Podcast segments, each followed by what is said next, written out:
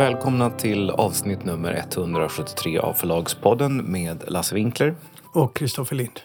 Det går som rinnande vatten. Hörru. Mm. Idag har vi ju rätt mycket material. Framförallt ska vi kanske börja med det som är nyheter. Mm.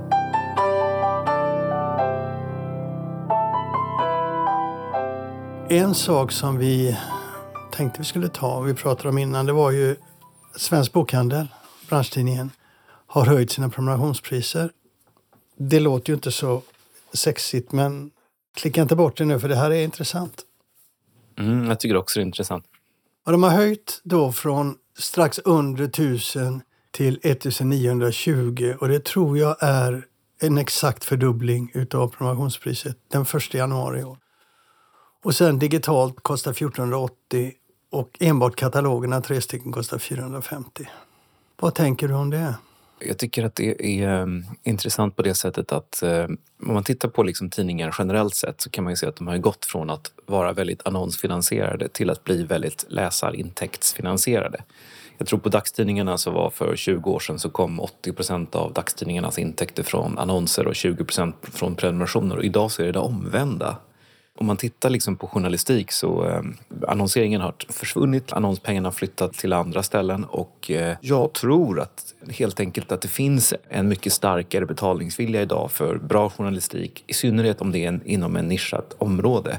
Så jag tycker att det är lite spännande att de faktiskt höjer. Och jag ska erkänna en sak och det är att jag attesterade fakturan från Svensk Bokhandel här i januari och tänkte inte på, jag tänkte ja den är lite dyr kanske men det, det, får man ju betala. Vi uppmärksammade detta först för att en av våra lyssnare hade sagt att den hade gått upp så mycket i pris. Då tycker jag att jag personligen är ett exempel på att eh, det här är en prisökning som många prenumeranter kommer att betala. Det är ju hemskt eh, som konsument att man får en fördubbling men jag tycker att det är ändå något positivt att folk vill betala för bra nischad journalistik och att den inte behöver vara annonsfinansierad.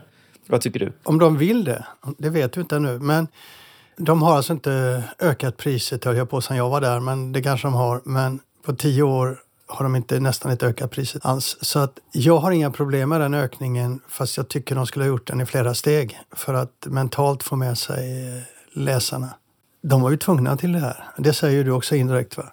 Därför att ja. när jag slutade där, då för mer än tio år sedan, så var min eh, tanke den att det här är inte hållbart. Den här redaktionen har max fem år på sig om de inte hittar en ny eh, affärsmodell.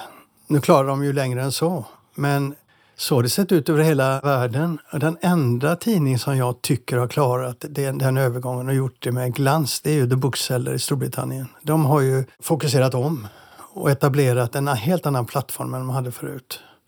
Och det finns ingen branschtidning i de övriga nordiska länderna på grund av att de inte har klarat den här övergången. Och sen har du nu de senaste årens stora kostnadsökningar för papper och så. Men till utmaningarna, det är två utmaningar ska jag säga för tidningarna och det är ju ena är att annonserna har försvunnit, annonsintäkterna har försvunnit och det andra är att upplagorna i bästa fall kan ligga still men upplagorna inte längre ökar. Mm. Det är ju det.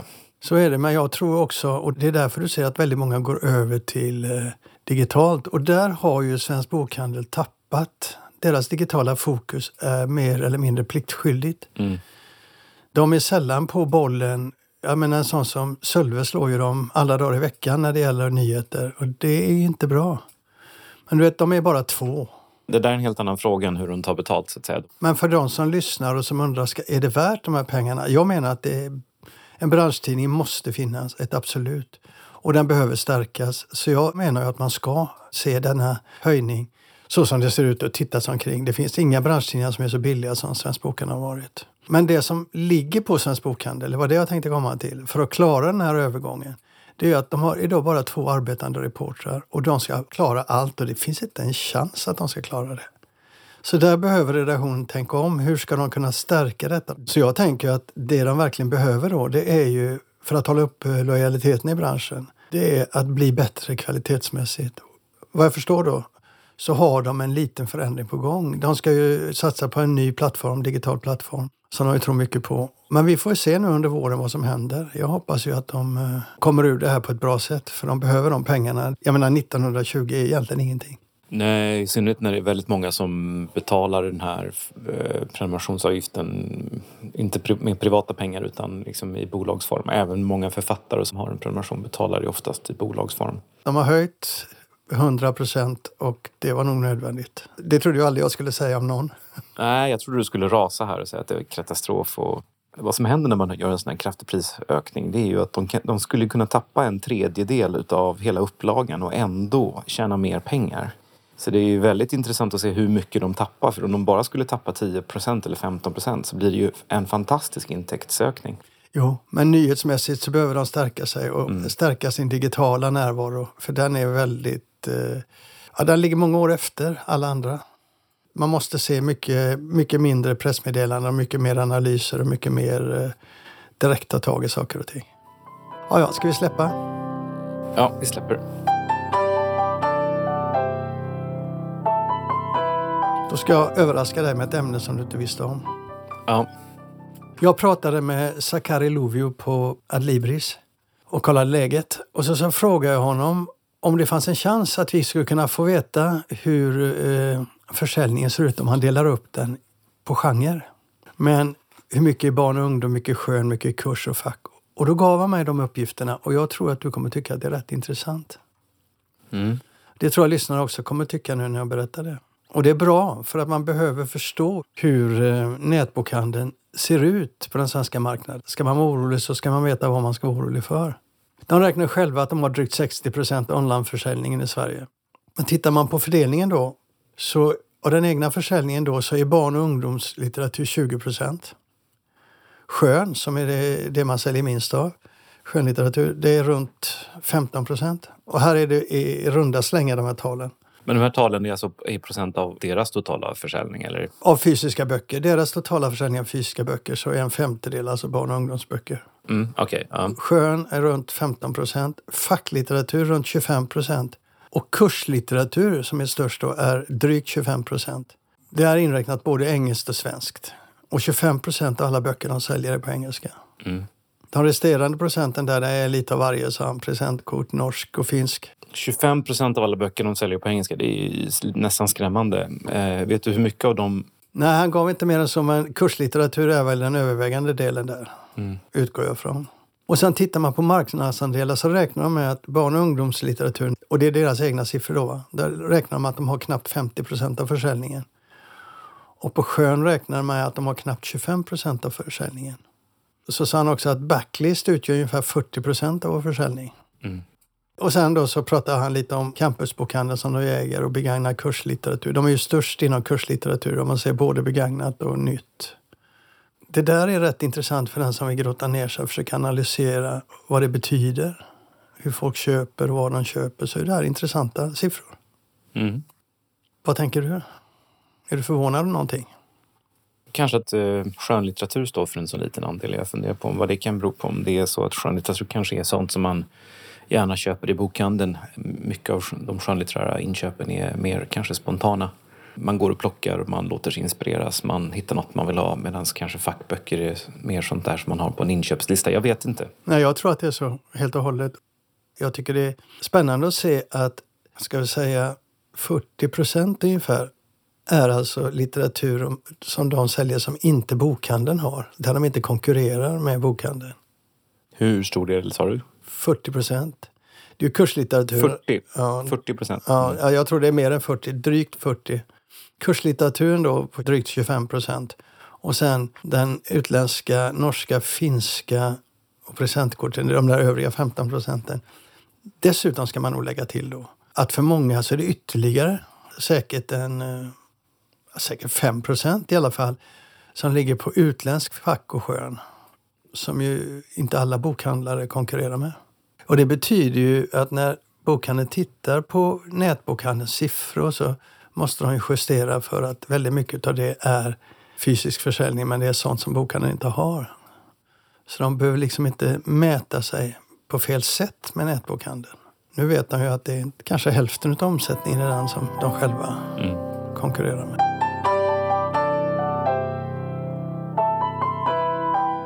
Årets kanske största näringslivsskandal, i alla fall hittills i år, eh, har ju Det är bara fyra veckor. Ja, det är bara fyra veckor, men det är ganska stor skandal nog får man ändå säga. Det är bolaget Humana som har fått kritik från IVO. Och eh, det är... Och IVO är då vad då? IVO är alltså Inspektionen för vård och omsorg och det är de som ger tillstånd till olika... De har hand om läkarlegitimationer och det är också de som ger tillstånd till olika bolag och sådär. Och Humana de driver bland annat rätt mycket, de gör många olika saker. De har ålderdomshem och sådana saker tror jag. Men de har också assistansverksamhet. Och då har man sett sådana allvarliga brister i den här assistansverksamheten så att man har helt enkelt dragit in deras tillstånd. Och det är anmärkningsvärt alltså. De har tio dagar på sig att eh, lägga ner verksamheten. Och halva deras börsvärde har liksom utraderats. De har då hittat massor av fusk med assistansersättningarna. Och det här är ju ganska allvarligt för att assistanskostnaden i Sverige ligger på 28 miljarder ungefär. Mm. Och bara deras assistansverksamhet i Humana ligger på 2,8 miljarder. Så var tionde skattekrona som går till assistansen går till Humana och Humana då haft rätt mycket då fiffel med det här. Och då kan ni undra vad det här har med Förlagspodden att göra. Jo, det är nämligen så att bakom huvudägare i Humana är ett företag som heter Empilo och huvudägare i Empilo och eh, som är Fredrik Strömholm som också är ordförande i Natur och kultur. Och han sitter också i styrelsen för Humana. Hur påverkar det varandra tycker du? Jag skulle nog säga att jag, eh, jag, tycker att det här är en allvarlig skandal och eh, den svärtar ner lite grann Natur och kultur. Natur och kultur är också en stiftelse som jobbar så mycket med välgörande ändamål. De, jag var inne på hemsidan, det stod någonting om att vi vill göra världen lite bättre. Man, man har en väldigt hög liksom, fana i såna här frågor och eh, så har de en ordförande som är huvudägare i ett bolag som håller på med skattefiffel. Det är ganska allvarligt tycker jag. Sen kan man säga att vad är hans personliga roll i det här? Den är naturligtvis säkert obefintlig. Jag tror att det är en utomordentligt bra person och jag tror inte att han har något känt till det här. Men han är ändå trots allt styrelseledamot och huvudägare och någonstans så har han ju ändå ytterst ansvar för det här. Ja, det är väl så man ska se det. Va? Att eh, någon ska ha ansvar och det är väl oftast den som har störst fördelar av det hela och är störst ägare ska väl ta ansvar i sådana här lägen. Ja. Kan han sitta kvar som ordförande i Natur och kultur? Ja, alltså det beror helt på hur, hur folk reagerar på det här. Men såna här saker har ju en tendens att blåsa över så att han kan säkert sitta kvar. Men jag kan tänka mig att han tappar också väldigt mycket trovärdighet internt på Natur och kultur. För det är bland personalen och bland författarna så tror jag att man tycker det här är pinsamt. Han är ju faktiskt, kan man säga, nästan eh, sinnebilden för en av de miljardärer som eh, Cervenka skriver om i Giri Sverige. Alltså, han var med och startade riskkapitalbolaget Altor Sen har han då startat det här bolaget. Han är miljardär. Han taxerade förra året för över 81 miljoner kronor och han har ett bolag som eh, har fifflat med statliga skattemedel. Det är klart att det är ganska jobbigt för en stiftelse som Naturkultur. Det tycker nog väldigt många av författarna. Naturkultur har ju också fått en, en viss prägel av... Man har politiskt dragit lite grann åt vänster i utgivningen. Så jag, jag tror nog att det här kan internt också bli ett problem.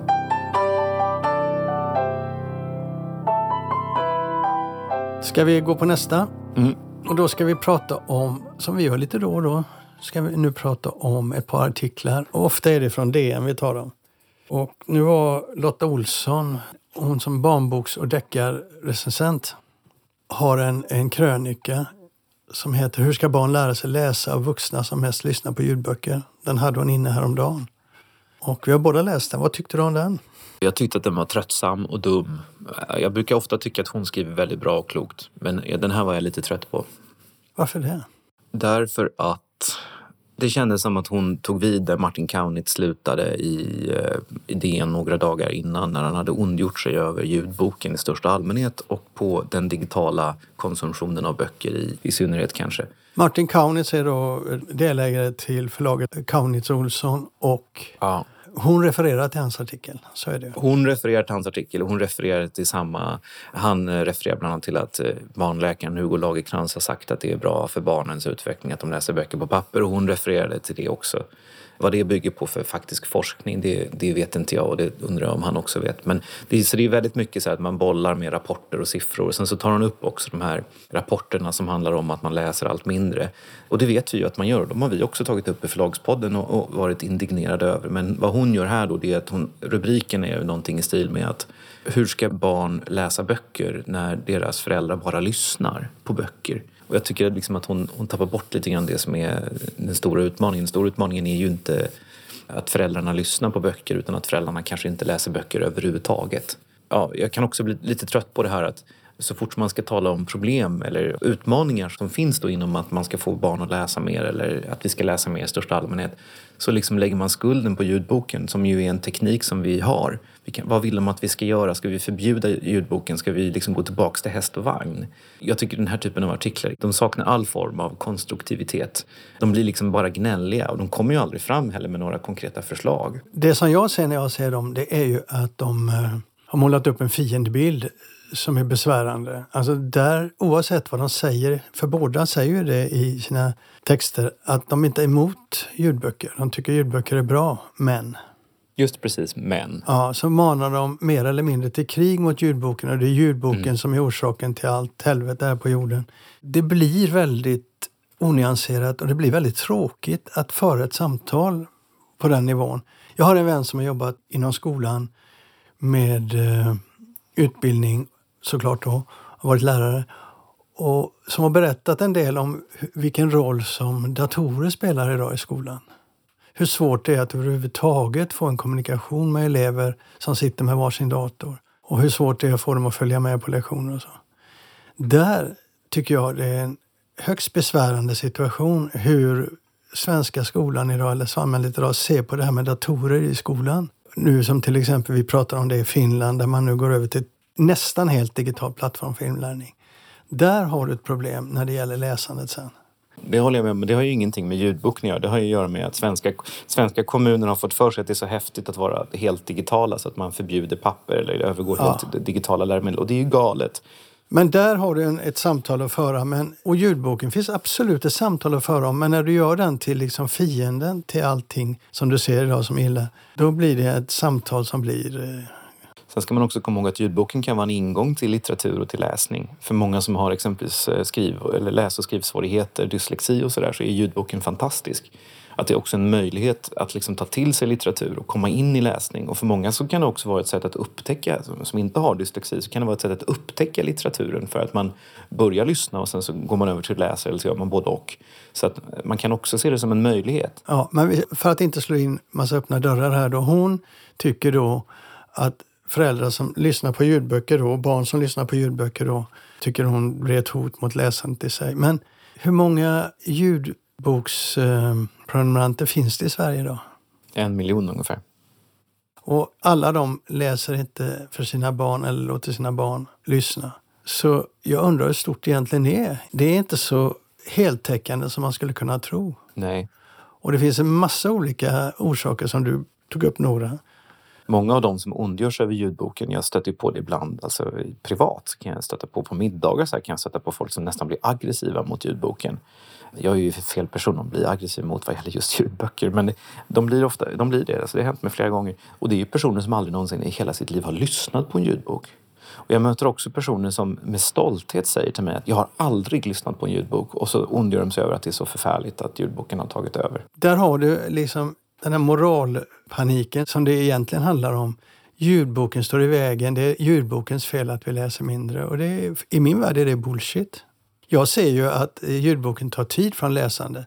Och gör den säkert, I en del fall så är det säkert så att folk går över till ljud. Men att det skulle stå i vägen för läsandet och ligga bakom att vi till exempel säljer mindre böcker. Det tror inte jag i grunden Men, men det här att fråga. ljudboken tar tid för läsandet, det undrar jag om, om det finns fog för att säga. Jag tror ju inte att det är så. Utan jag tror att däremot om du har lyssnat på en ljudbok så läser du den inte. Men om jag går till mig själv, när är det jag lyssnar på en ljudbok? Jo, men det är ju när jag promenerar till jobbet eller kanske när jag diskar eller städar eller gör någonting annat. Men jag går ju inte hem och sätter mig i soffan och eh, sätter på en ljudbok och dricker en kopp te. Liksom. Nej, men det finns ju andra aspekter av det där, Kristoffer. Jag jag har ofta en ljudbok gående så att säga samtidigt som jag har pappersböcker. Nu det sista så jag har läst en stor jädra tegelsten och läst på kvällarna och på dagen har jag lyssnat. Men ibland orkar jag inte både och. Då kan ljudboken göra att jag blir trött och orkar inte läsa. Så att lite tar den allt. Ja, jag förstår. Lite tar den. Det kan ni göra. Ja. Det, kan, det kan ni göra. Men på något sätt så har jag svårt, jag vet inte riktigt hur vi ska rama in det här, men jag känner att där, det är lite moralpanik över de här artiklarna. Och det intressanta är också att DN publicerar de här. Och jag tror att det handlar om att DNs journalister upplever nog att detta är ett sånt stort problem så att de tar in artiklar som, är, som tycker det de tycker. Mm. Lotta är ju en journalist på, på DN. Jag gillar också det hon skriver i allmänhet, men detta tyckte jag var lite off, får jag säga. Och tråkigt. Hon, hon slutar så här att lärarna larmar allt oftare om elevernas och studenternas bristande läsförmåga och diskuterar hur skolundervisning kan förbättra läget. Det är alltid skolan som ska lösa allt, som en bekant pensionerad lärare brukar sucka. Hon har rätt, för detta är långt mer en samhällsfråga än en skolfråga. Skolan kan inte ensam rädda ett samhälle som har bestämt sig för att välja den lättaste vägen till berättelser. Hur ska barn kunna utveckla sin läsförmåga när de omges av vuxna som allt mer sällan läser själva utan mest lyssnar på ljudböcker? Jag tror inte att den är sann, den utsagan. Nej. Jag tror att hon drar slutsatser som inte är sanna och då förstärker hon sitt eget tänkande där. Jag menar, vi har haft problem med läsandet i skolan och, och barn längre än det har funnits ljudböcker. Ja, det är klart. Ja, men det är ju väldigt komplext. Det är väldigt svårt att säga vad som är vad. Mm. Nu ska jag komma tillbaka till något som jag vet att du är fortfarande väldigt uttråkad av. Och det är när jag pratar B-format. Men jag ska vara väldigt kort den här gången. Jag ska plocka upp en grej som jag egentligen ville ta förra gången också. För nu har jag fått de första böckerna. Jag har fått tre stycken av Bonniers och en från Nordstedt. Och problemet med det här B-formatet, om man gör dem utan att tänka sig för, det är att man minskar procentuellt texten och lägger in den i B-formatet med en rätt liten satsyta då, breda marginaler. Har man inte tänkt igenom det då så får man en bok som inte går att läsa. Och Bonnier Norstedts ger ut Hans-Gunnar Axbergers Statsministermordet, en bok som jag faktiskt hade tänkt att köpa. Och så kom den till mig och så fick jag se hur den ser ut. Jag ska inte säga att det är kriminellt att sälja den som den ser ut, men det är så, det är så liten text så jag, jag, får, jag får ha eh, för att läsa vad som står där. Och så tar man fullt betalt. Mm. Ja, det var ju allvarligt. Hur, hur, tänkte, hur tänkte de, tror du, när de gav ut boken i det skicket? Nej, jag tror att inte de tänkte. Alltså, därför att normalt sett när du gör en pocket så minskar du ner och vi har ju problem ofta med, med mindre text i pocket. Och den som har gjort den här har inte tänkt efter. Bonniers har kommit ut nu med Unge Mungo, eller den kommer ju snart då. Och där är, har man nog satt om texten och jag tror man måste göra det. Där är det tillräckligt stort. Där tycker jag att det är behagligt att läsa. Å andra sidan så kommer man också med lektioner i kemi. Och där är det mindre text. Där tycker jag också att det är jobbigt att läsa. Och jag tycker inte man ska ge ut böcker där läsarna upptäcker först när man köper boken kanske att det här går inte att läsa. Inte om man ska ta de priserna. Man måste sätta om texten. Vi kan väl återkomma till B-formatet. Det kan ju vara ett stående punkt i, i podden. Det, det kan, du kan inte dra det skämtet en gång till eller den ironiska kommentaren för det sa du förra gången också. Nej, jag sa vi skulle ha en B-formatspodd. Okej, okay, då en ny variant. Men jag ville bara säga det för jag, jag tycker att förlagen får skärpa sig där. Mm. Man kan inte ge ut det här och satsa på det här och också ha en textstorlek som knappt går att läsa. Sen en sista grej då. Mm. Ingen vet något bra namn på det här formatet. Det har redan fått en massa olika eh, namn som ingen egentligen tycker om. Nej. Så jag tänkte att jag ska satsa på att göra en tävling. Vad ska det här formatet heta? Priset återkommer jag till. Men, det är en utmärkt idé. Priset kan ju vara en middag med dig. Ja, det kan det vara. Men då pratade jag med Mats Ahlström som jag gör ibland då. Så frågade jag honom, ja, varför inte kalla det för häftat format? Då slipper man ordet pocket och så får man mm. fokus på rätt saker. Konkurrera med det. Kom på något som är bättre än häftat. Eh, häftat är bra också på det sättet att förr i tiden så var ju böcker antingen inbundna eller häftade så att säga. Alltså det, mm. det betyder egentligen att det är, en, det är en bok som inte har hårda pärmar. Det är en vanlig bok som inte har hårda pärmar. Mm. Så det är liksom lite statushöjande att säga häftad. Säger man B-format så, så säger en del B-pocket och då är den lilla A-pocket och det fungerar inte heller. Man ska komma bort från pocket här tycker jag. Ja, B-format låter som att det är B. Ja, det också. Och trade paperback, det är ju amerikanskt. Det kan man inte ha. Eller engelskt. Nej. Häftar är bra, men slå det. Kommer något ännu roligare? Får vi få se. Mm, alltså det, vi får anledning att återkomma helt enkelt. Eller hur?